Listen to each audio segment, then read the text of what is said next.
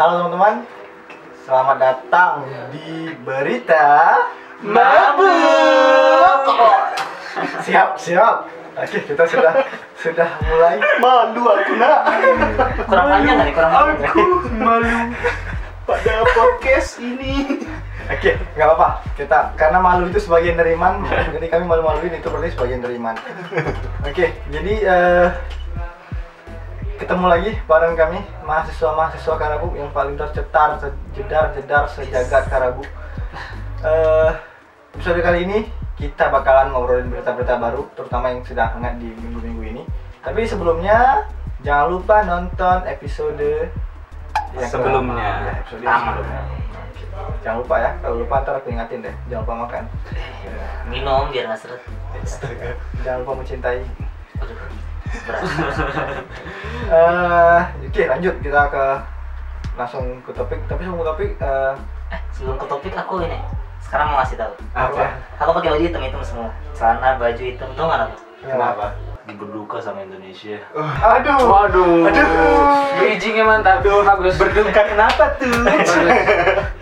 Mantap. sedih aja Berduka kenapa? Kenapa cerita cerita Cerita, cerita. cerita. lanjut ya bang ya Enggak berduka kenapa? Kenapa berduka? kan sekarang lagi banyak masalah lah ada pandemi ada Oh, iya. corona Pa- ada- Pandemi itu corona kan ya? oh, sama ya ada Om Yunus lah Om Yunus lah.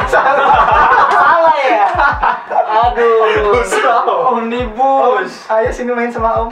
Masa salah sih sengaja plesetin tuh Oh iya. Biar Oke. bisa di komen ya. Usah dikasih tahu dong. Gak apa-apa, ntar netizen akan mengkoreksi kita karena mereka itu baik-baik. Terus. Eh, jadi minggu ini kita bakalan ngobrolin eh, berbagai macam topik.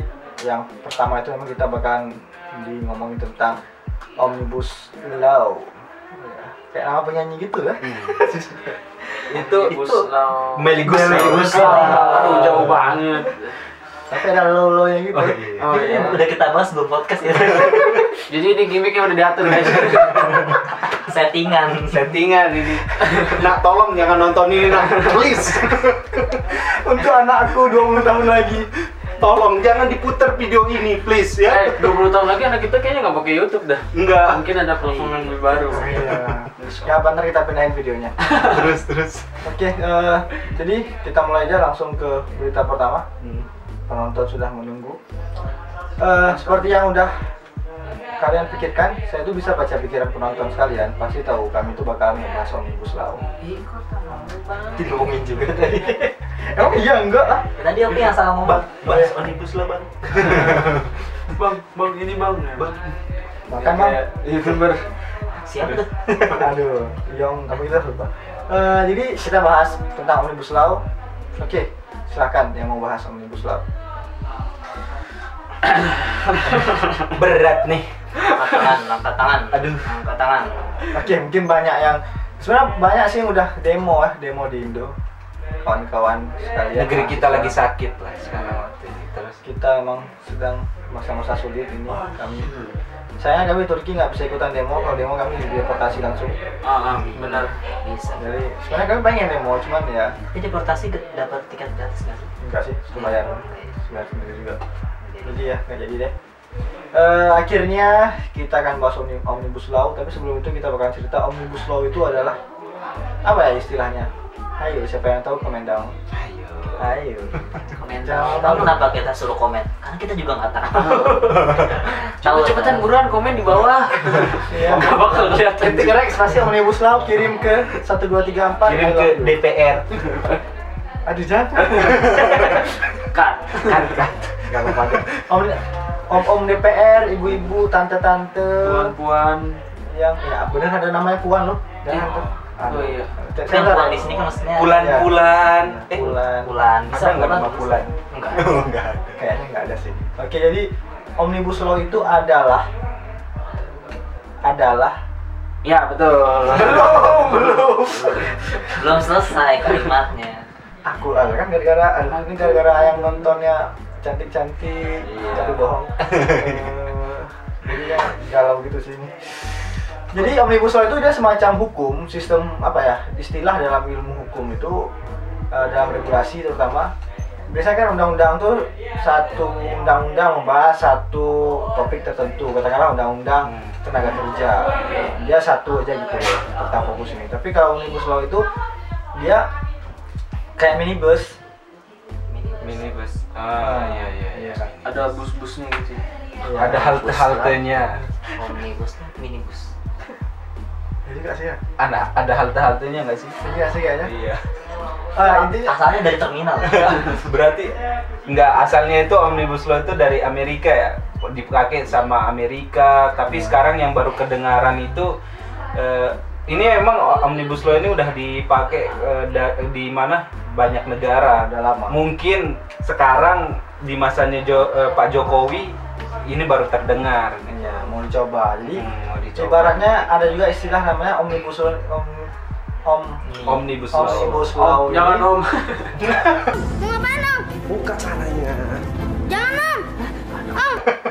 Anjir, buka aja.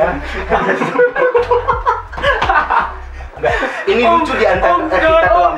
Lucu di antara kita doang. Tolong jangan ketawa. Tadi ya. ingin aja videonya ada. Oke. Om, jangan om. Dasar buruhan. Ah, Eh, lanjut, lanjut. Omnibus law itu dia ada juga istilahnya seperti undang-undang sapu jagat. Ah, sapu Nah, jagat. sapu jagat Ah, itu dibilang apa? sapu jagat. Kayak iya. prakerja gitu nggak sih? Prakerja itu bagian Iya, bagiannya kan? Bagiannya. Ah, Bagian. prakerja apa ya? Gitu lah dalam. Banyak lah dalamnya gitu. Jadi intinya satu omnibus law ini dia ter ada di dalamnya itu banyak macam-macam kon ko- apa ya undang-undang. Hmm. Nah, di undang apa omnibus law yang baru disahkan ini aja Tahun 2000 berapa? 20 nih 20. eh, itu dia ada sekitar 76 pasal 74 nggak sih? 74 atau 76 74 atau nggak 76? Nah, kayak netizen lebih tahu jadi Nah. tolong komentar ya. Eh, itu jadi ada lebih sekitar 1200 pasal di dalam sebuah omnibus law jadi macam-macam. Tapi kenapa yang disorot apa ya? Di sebenarnya banyak topiknya. Dia bukan Hmm, cuma benar. tenaga kerja. Benar, benar. Mm-mm. Hmm, jadi Ada yang disorot. yang disorot aja emang gitu. ya tentang buruh. Kenapa? Karena memang yang omnibus law ini Paling merasakan itu Ah. buruh gitu. Buruh gitu loh yang paling merasa ruginya. Jadi mereka lebih mungkin di bagian lain mungkin ada yang dirugikan juga atau menguntungkan. Tapi yang lebih karena di Indonesia ini kayak buruh itu ramai banget. Buruh. ya. Mayoritas. Mayoritas memang. Nah, jadi mereka lah yang paling bersuara. Tapi ke petani, nelayan itu juga berdampak omnibus Berdampak, law iya. ini. Ya, Dampaknya baik buruk. itu. Buruk sih. Ada baik ada buruk. Tapi nih ceritanya Ceritanya. Apa tuh? Hmm. Jadi sebenarnya aku juga dapat kiriman itu draft semacam nggak tahu nih tapi katanya belum final sekitar Hmm. kurang 950 halaman yang kita gila. kerjain kan tebal banget Banyak banget. Hampir seribu. kayaknya anggota DPR pun belum tentu mereka Baca- kuasai baca semua, baca semua 950 halaman nah jadi di 950 halaman itu yang katanya belum final ini jadi susah juga sebenarnya jadi kami disclaimer sebelumnya Hmm. kalau mungkin ada yang salah kata dari sini ternyata itu belum final di draftnya undang-undangnya. Itu mohon maaf karena masih sampai sekarang kita masih belum menemukan mana draft yang sudah finalnya dari undang-undang dari omnibus law sekarang ini ini. cipta kerja ini cilaka.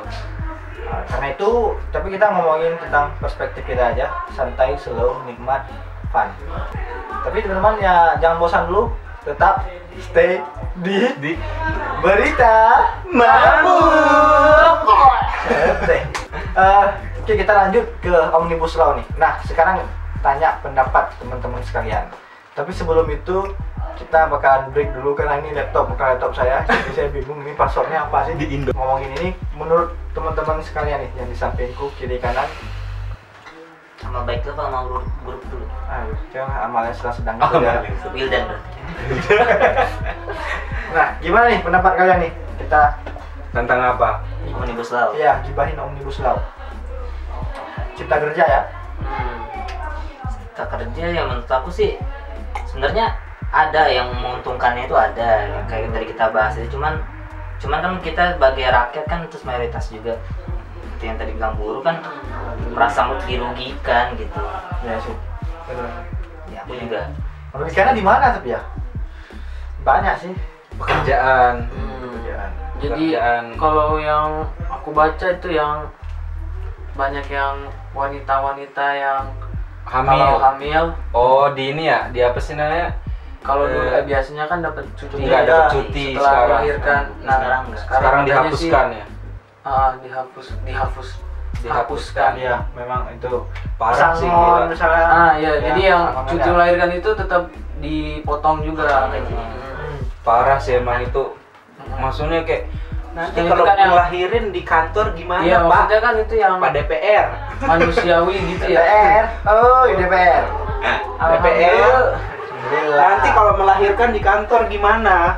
Anaknya jadi buat tabung. Aduh, susah memang Bapak DPR belum pernah melahirkan di Ah, bapak belum. Eh, Bapak yang nggak melahirkan, Pak? Melahirkan, Pak. Cuma ada loh Ada. di Thailand. Aduh. Itu bukan bapak-bapak. Itu abang. Itu setengah. Jadi. Oh, menjadi jadi. Iya, sebutannya apa ya? Lady boy. Balik lagi. Oke, balik lagi ke Omnibus Law. Kalau kata pemerintah nih, kita harus fair lah. Hmm. Kan banyak yang nggak suka, tapi pemerintah asalnya dari mana sih Omnibus Law ini? Ternyata Omnibus Law ini aku sih kasihan ya. Amerika. Bukan, bukan itu. Asal. Ini yang di Indonesia Apa? sekarang. Oh. Kenapa bisa ada gitu? Hmm. Iya, kenapa bisa ada? Banyak kan orang kan demo nyalahinnya DPR doang. Nah, DPR Nah, doang. iya, benar, iya, Nah, benar-benar. Padahal dalam sistem hukum Indonesia itu kan yang memulai omnibus ini Pak D.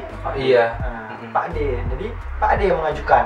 Ah, DPR membahas, biar membahas disahkan Pak Disahkan lobby Pak ya.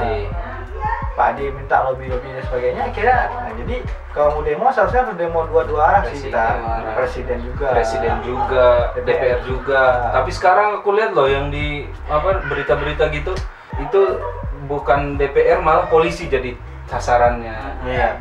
Sasaran juga. Kasih Gitu. kasihan jadi Kasihan sih. teman-teman sekalian semoga tetap sehat bagaimana jaga kesehatan tetap semangat Bantu. Indonesia sedang sakit. tapi gini kalau dalam demo itu ya sebenarnya dia ada pasti intel disusupin Hmm. Ada, Ini nggak sih perusuh apa? perusuh itu sebenarnya ada Hmm. ah, bisa jadi ya ini bisa Provokator. jadi. Nah, provokator. Provokator. gini kalau kalau memang terlalu damai demo itu terlalu damai polisi itu emang dia kan susah dia tahan tahan bisa hanya menahan Ah, doang. Nggak menahan. bisa kita nggak bisa ini kan. Iya. Polisi itu nggak ada Nggak hak untuk ngelawan. Ngelawan. dia emang Ah, bertahan menjaga aja doang. tapi kalau emang udah diserang Serang. Balas. Nah, makanya kadang eh, ini disclaimer ya disclaimer Eh, kadang di dalam demo itu emang ada agen-agen yang disusupi supaya dia buat provokator sehingga Iya. bisa ada apa ya lampu hijau untuk keributan Lampu hijau. Nah, Ah. keributan sehingga bisa dipukul orang demo Nah, Ah. ataupun yang bakar-bakar halte Adem. Nah, bisa jadi bisa apa bisa jadi yang bakar halte itu sebenarnya bukan Bukan pendemo yang pendemo. menuntut, nah, Ah, menuntut benar. kebenaran tapi Mungkin Intel nah, atau Iya. Pak DPR nyusup. ya. Tapi citra kita kalau nggak mau di demo ya Jangan baik-baik lah, Ah. jangan memancing gitu loh. Apalagi ini kan di masa pandemi, cuy. Orang pada berkumpul gitu. Kalau kayak gitu yang jadi yang disalahin para pendemonya juga. Iya. Pandemi malah kumpul. Pandemi malah kumpul kan itu kan Berusaha. kita juga yang salah gitu, pendemonya maksudnya. Iya. Pendemonya juga terus yang nggak salah. bang kayak lagi demo kayak gitu terus Iya. ada tiga orang aja positif corona kan? Ah, ah, ayo. Gimana, Pak? Aduh. Parah Di nih. mana bi? Bukan dong kameramen kita nggak tahu apa. Ah, jadi sekarang di masyarakat kita udah membaca banyak berita itu ada saling ejek. Saling ejek yaitu ada yang nyindir yang ke pendemo. Eh, ini kalian sembarangan demo undang-undangnya udah baca belum? Ah, Iya, seperti gitu tuh, kayak gitu. Nah. Maaf, Pak. Kalau ditanya undang-undangnya udah baca belum yang 900 halaman, apakah Bapak udah membacanya? Nah, itu kan belum tentu juga.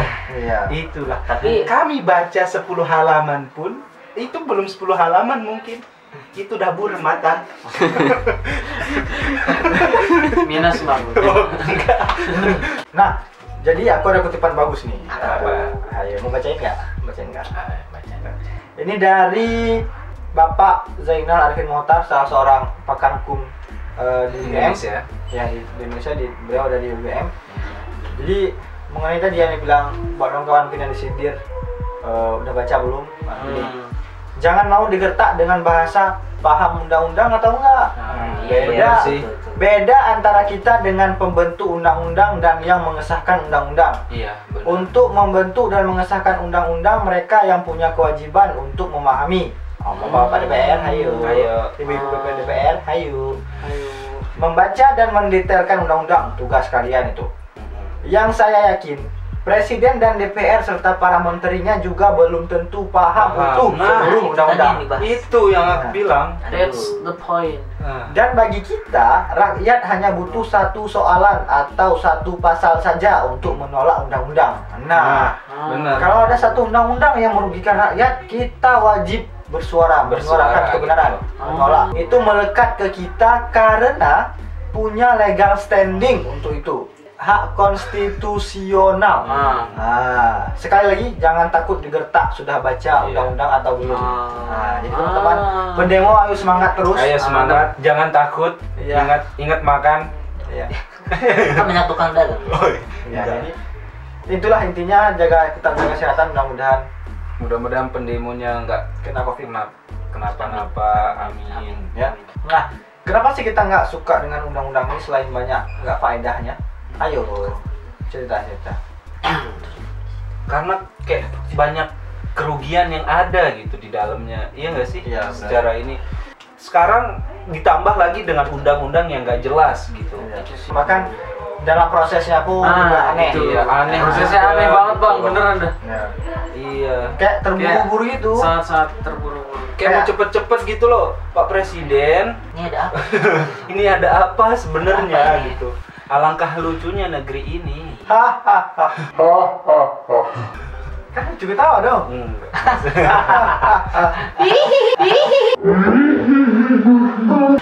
Setan. Dia langsung kabur. Oke, mungkin kalian nggak ngerti kok, tapi kami lucu sih sebenarnya. Kita juga menolak, kami bagian menolak Kami menolak. Setuju. tidak setuju.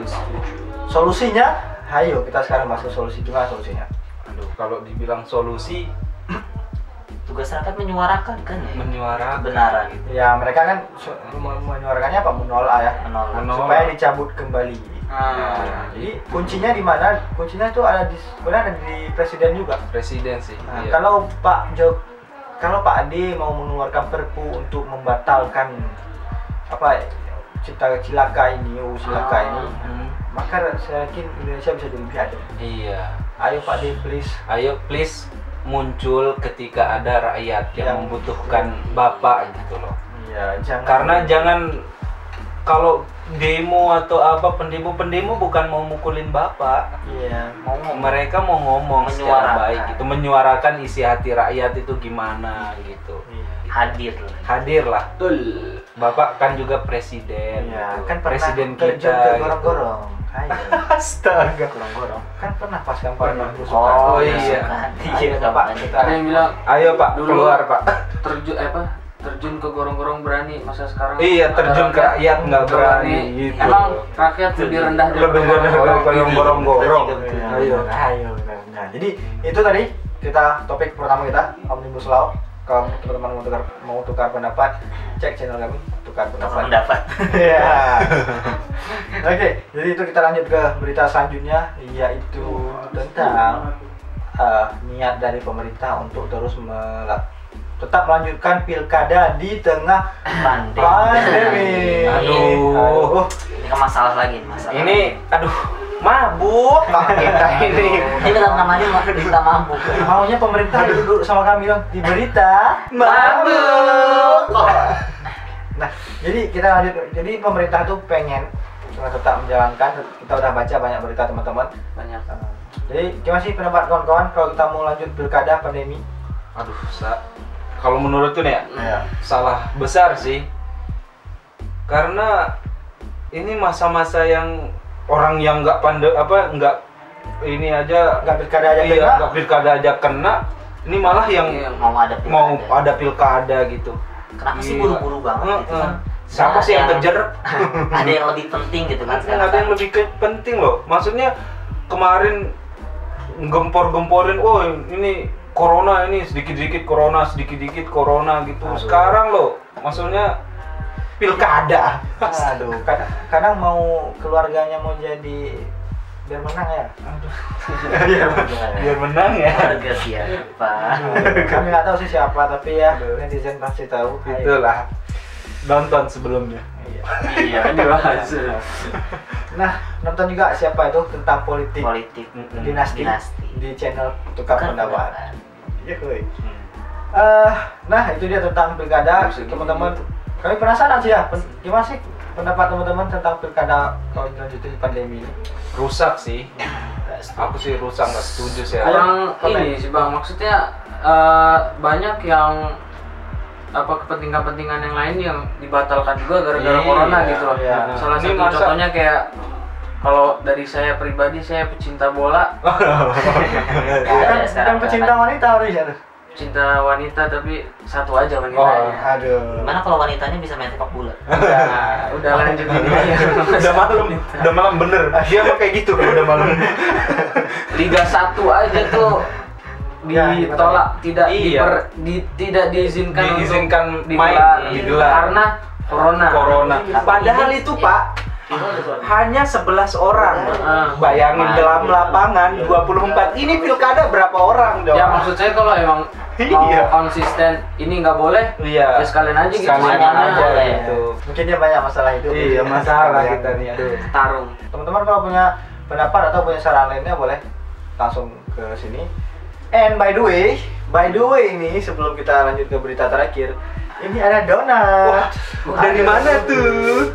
Donat ini kita cicipi dulu ya teman-teman ya. Oke, Bismillahirrahmanirrahim. Enak nggak? Hmm, rasanya Mabuk. Oh beneran itu Oh, jadi. iya. Tadi kayaknya bukan itu maunya. bener. Nah, Nah, ini donat dari saudara kita. Siapa ya? Eh, Mr. Yahya Wahid. Mister, ya. Kalau mau lihat Mister Yahya Wahid nanti di episode-episode selanjutnya, Iya. insya Allah ada. Boleh juga langsung cek channelnya Yahya Wahid di YouTube. Channelnya bermanfaat Iya. kamu Eh. belajar bahasa Turki. Tangan kanan. Lebih, bermanfaat dari Kita. aku gak bilang. Ah, jadi itu pokoknya namanya donatnya oke. Enak ya. Eh, kami makan dulu ya, habis itu kita lanjutin lagi. Kembali lagi bersama kami di Berita Mabuk. Rokok. Setelah makan donat kami Capek rasanya pak bilang mabuk pak. Kasihan keluarga nonton nanti ditanya di chat lagi. Kamu mabuk Kamu ya? mabuk beneran? soalnya tangannya Berita mabuk. Mata kamu merah. Aduh. padahal Mi, tidur. baru bangun tidur. Beneran Mi, baru bangun. Suruh podcast. Disuruh podcast nih sama dia. Oke, itu lanjut. Di berita terakhir ini kita bakalan nggak terlalu serius, kita bakalan uh, ice breaking, berita yang bermanfaat nanti buat teman-teman. Hayo lanjut, eh Christian. Christian. Mantap. Itu abangku, Cristiano Ronaldo. Kok bisa adanya begini? Oke lanjut. Ini eh, bicara tentang makanan ya kan, soal lalat gitu, maksudnya kayak kita ngelihat tiap hari lalat hinggap di makanan nih. Nah ini ada berita masalah lalat nih. Hmm. Nih, ini yang terjadi saat lalat hinggap di makanan kita. Hmm, apa jadi? Nah, dikenal sebagai serangga yang dapat mengeluarkan berbagai kuman dan bakteri, hewan ini sangat eh, senang hidup di mana saja, terutama di tempat kotor seperti sampah Biasa aja dong. Sampah. bahkan kotoran hewan dan Kotoran. manusia. Emang bang, Oh iya, iya kalau lalat, ayo. Iya. gimana? Maksudnya Ser- sering hinggap di Kalau di daerah kalau kumuh. ah, di daerah kumuh, di Ah, kan ada. Jamban. Kalau rumah kami nggak ada ya. Iya, masa dia datang ke Makanya. Tidak mungkin lah. Oleh karena itu kamu patut waspada. Kita patut waspada melihat Hmm. makanan sudah dihinggapi lalat. Kok bisa Betul. kayak gitu kan? Hmm. Karena ada penyebab penyebab penyebabnya gitu. Maksudnya ke kenapa nggak boleh ketika kita ada makanan dihinggapi lalat kenapa nggak boleh dimakan atau di ini ini Kenapa? karena satu itu muntah lalat nih muntah lalat. Lalat ternyata bisa muntah ya. Sumpah aku baru tahu loh. Lalat bisa bang protes gini sih. Iya, maksudnya Iya. bisa muntah loh. Kayak gitu dong. Kalau teman-teman pernah lihat lalat muntah, tolong dikirim videonya. dikirim. Angin. Mungkin iya lagi nyari makan kekenyangan Iya, muntah. kan dia terbang, so angin lah terbang. oh iya, Oh, iya. nggak ada yang kerokin ya? Iya. Jadi mabuk gitu kan. Mabuk Dulu- nih nih nih. Terus lalat makan dengan cara menyedot cairan melalui mulut mereka yang berbentuk seperti tabung. Nah, penelitian yang dilakukan Penn State eh, College of Agricultural. Agricultural Science menunjukkan bentuk mulut ini ah, inilah yang mengharuskan mereka mengubah semua makanan jadi cairan. Jadi kayak Ah. kotor dong. iya, maksudnya dihinggapi lalat nih, dia muntah muntah darah kan? Eh, muntah, muntah apa? Muntah lalat gitu kan. Lalat lagi keluar. Oh, dia Dia, mudahnya dia lagi. mengeluari, mengeluarkan cairan dan Ah. apa sih namanya eh, makanan itu di eh, apa namanya di situ kan ada zat-zat yang apa yang baiknya gitu lah ibaratnya diubah menjadi Oh, cairan yang inilah yang jahat gitu loh. Uh, nggak bagus dong. Itu ya emang gak bagus. Tapi kan kadang kalau misalnya lalatnya, contoh nih donat nih kan gede nih bang. Lalat kan segini. Eh, setengahnya yang bekas dia nih dibuang, Dibuang. enggak. Ah, Tapi iya. siapa tahu dia keliling-keliling. Iya. Kok dia jalan-jalan? Iya. Dia jalan-jalan dia nyari yang Ini ada lagi loh, stop. Oh iya. Nah, di sini ada lagi bertelur. Ah. Aduh, itu aku pengen lihat coy bentuk telur lalat itu gimana ya? Gak ada lalat. Ada lalat sini ya. Aduh. Lalat, lalat. Lalat bertelur. Gel Brian. Nah, sebaiknya kamu tidak makan makanan yang dibiarkan dalam keadaan terbuka atau tanpa menutup atau wadah. Bisa ja- saja makanan tersebut sudah jadi tempat lalat untuk bertelur. Aduh. Nah ini lanjut dulu. Telur telur ini nantinya akan berubah menjadi larva atau beratung yang bisa meracuni tubuhmu dengan bakteri. Jadi selalu biasakan untuk menutup atau menaruh makananmu dalam wadah tertutup jika tidak ingin langsung dimakan. Tapi kalau dicuci boleh dong. Iya, gini aja Pak Ul. kena lalat nih. Donat nih kena lalat. Cuma saya mau cuci. Donat dicuci. Atau dicampur desinfektan aja. Ah, sekalian aja. Ini apa sih namanya? Ya. Sekalian aja obat nyamuk hinggapin di sini. Cerot, cerot, cerot. Iya. Jadi teman-teman intinya itu hati-hati dengan makanannya, Hati-hati, ya. jangan sampai diingat lalat. Tapi kalau air, air tuh lalat di situ kata aku pernah baca hadis tuh kalau nggak Iya, salah. Harus celupin lalatnya Iya. itu Iya. karena di sayapnya itu ada penawarnya. Makanya aku saya- nggak tahu itu. Maksudnya di sini hanya dijelaskan lalat gitu. Nah ini selanjutnya nih kaki. Nah ini tadi berhubungan dengan sayap kan. Di sini ada yang ketiga kaki dan sayapnya bisa bikin makanan jadi sarang bakteri. Hmm. Ayo, ini konspirasi, konspirasi. Konspirasi. konspirasi. Kontrasepsi itu konspirasi. Cuma ini hamil. Hamil bukan sih? Kan tadi di hadis katanya ada kayak gitu ya. Ya, Ada jadi tapi kalau Apakah ini elit global? sayap mana? sayap mana yang ini? katanya saya kanannya bawa racun ya. Nah, Kan kirinya Kanannya racun, kirinya penawarnya. penawar. enggak lah. Oh, iya. Nyanyi nih nyanyi. Saya penawar. Madu di kanan bang. Di tangan kiri. Mabuk, Ah. mabuk di kamar di tangan kirimu. Mabuk di Racun. kelabih. Di tangan kiri gitu. Oke, mana ya. Udah ini? Satu orang satu orang beda semua. Bagian kaki dan sayap lalat mengandung paling banyak mikroba dibandingkan area tubuh lainnya. Nah, mikroba itu apa sih? Mikroba itu kayak kecil-kecil. kayak kayak untuk merekam suara itu mi Mikro. Wah, itu Mikrofon. mikrofon bang. Mikrofon. Bang, mikroba. Menurut nih, menurut Nayang Technological University, setiap lalat mela- melangkahkan kakinya meninggalkan jejak koloni mikroba. Aduh. Ini artinya apa pun yang telah tersentuh da- oleh kaki dan sayapnya Harus dibuang gitu.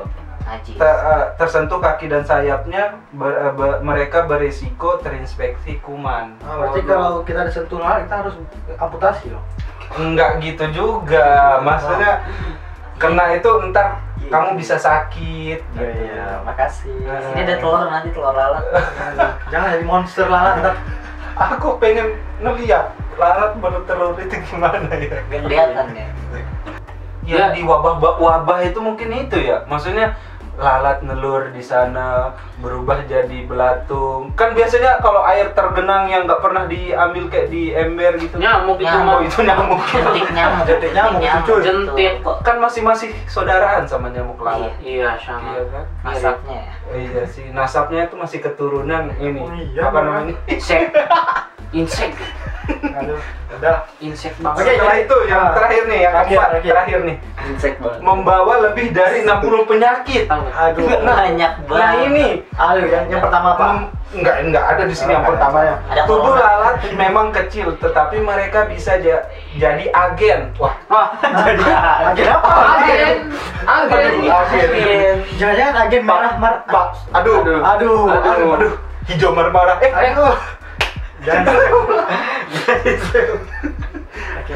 menjadi agen penyebab banyak penyakit. Departemen Entomologi Agen bahasa. Pantesis College of uh, Agrituku Agri Agrikultura.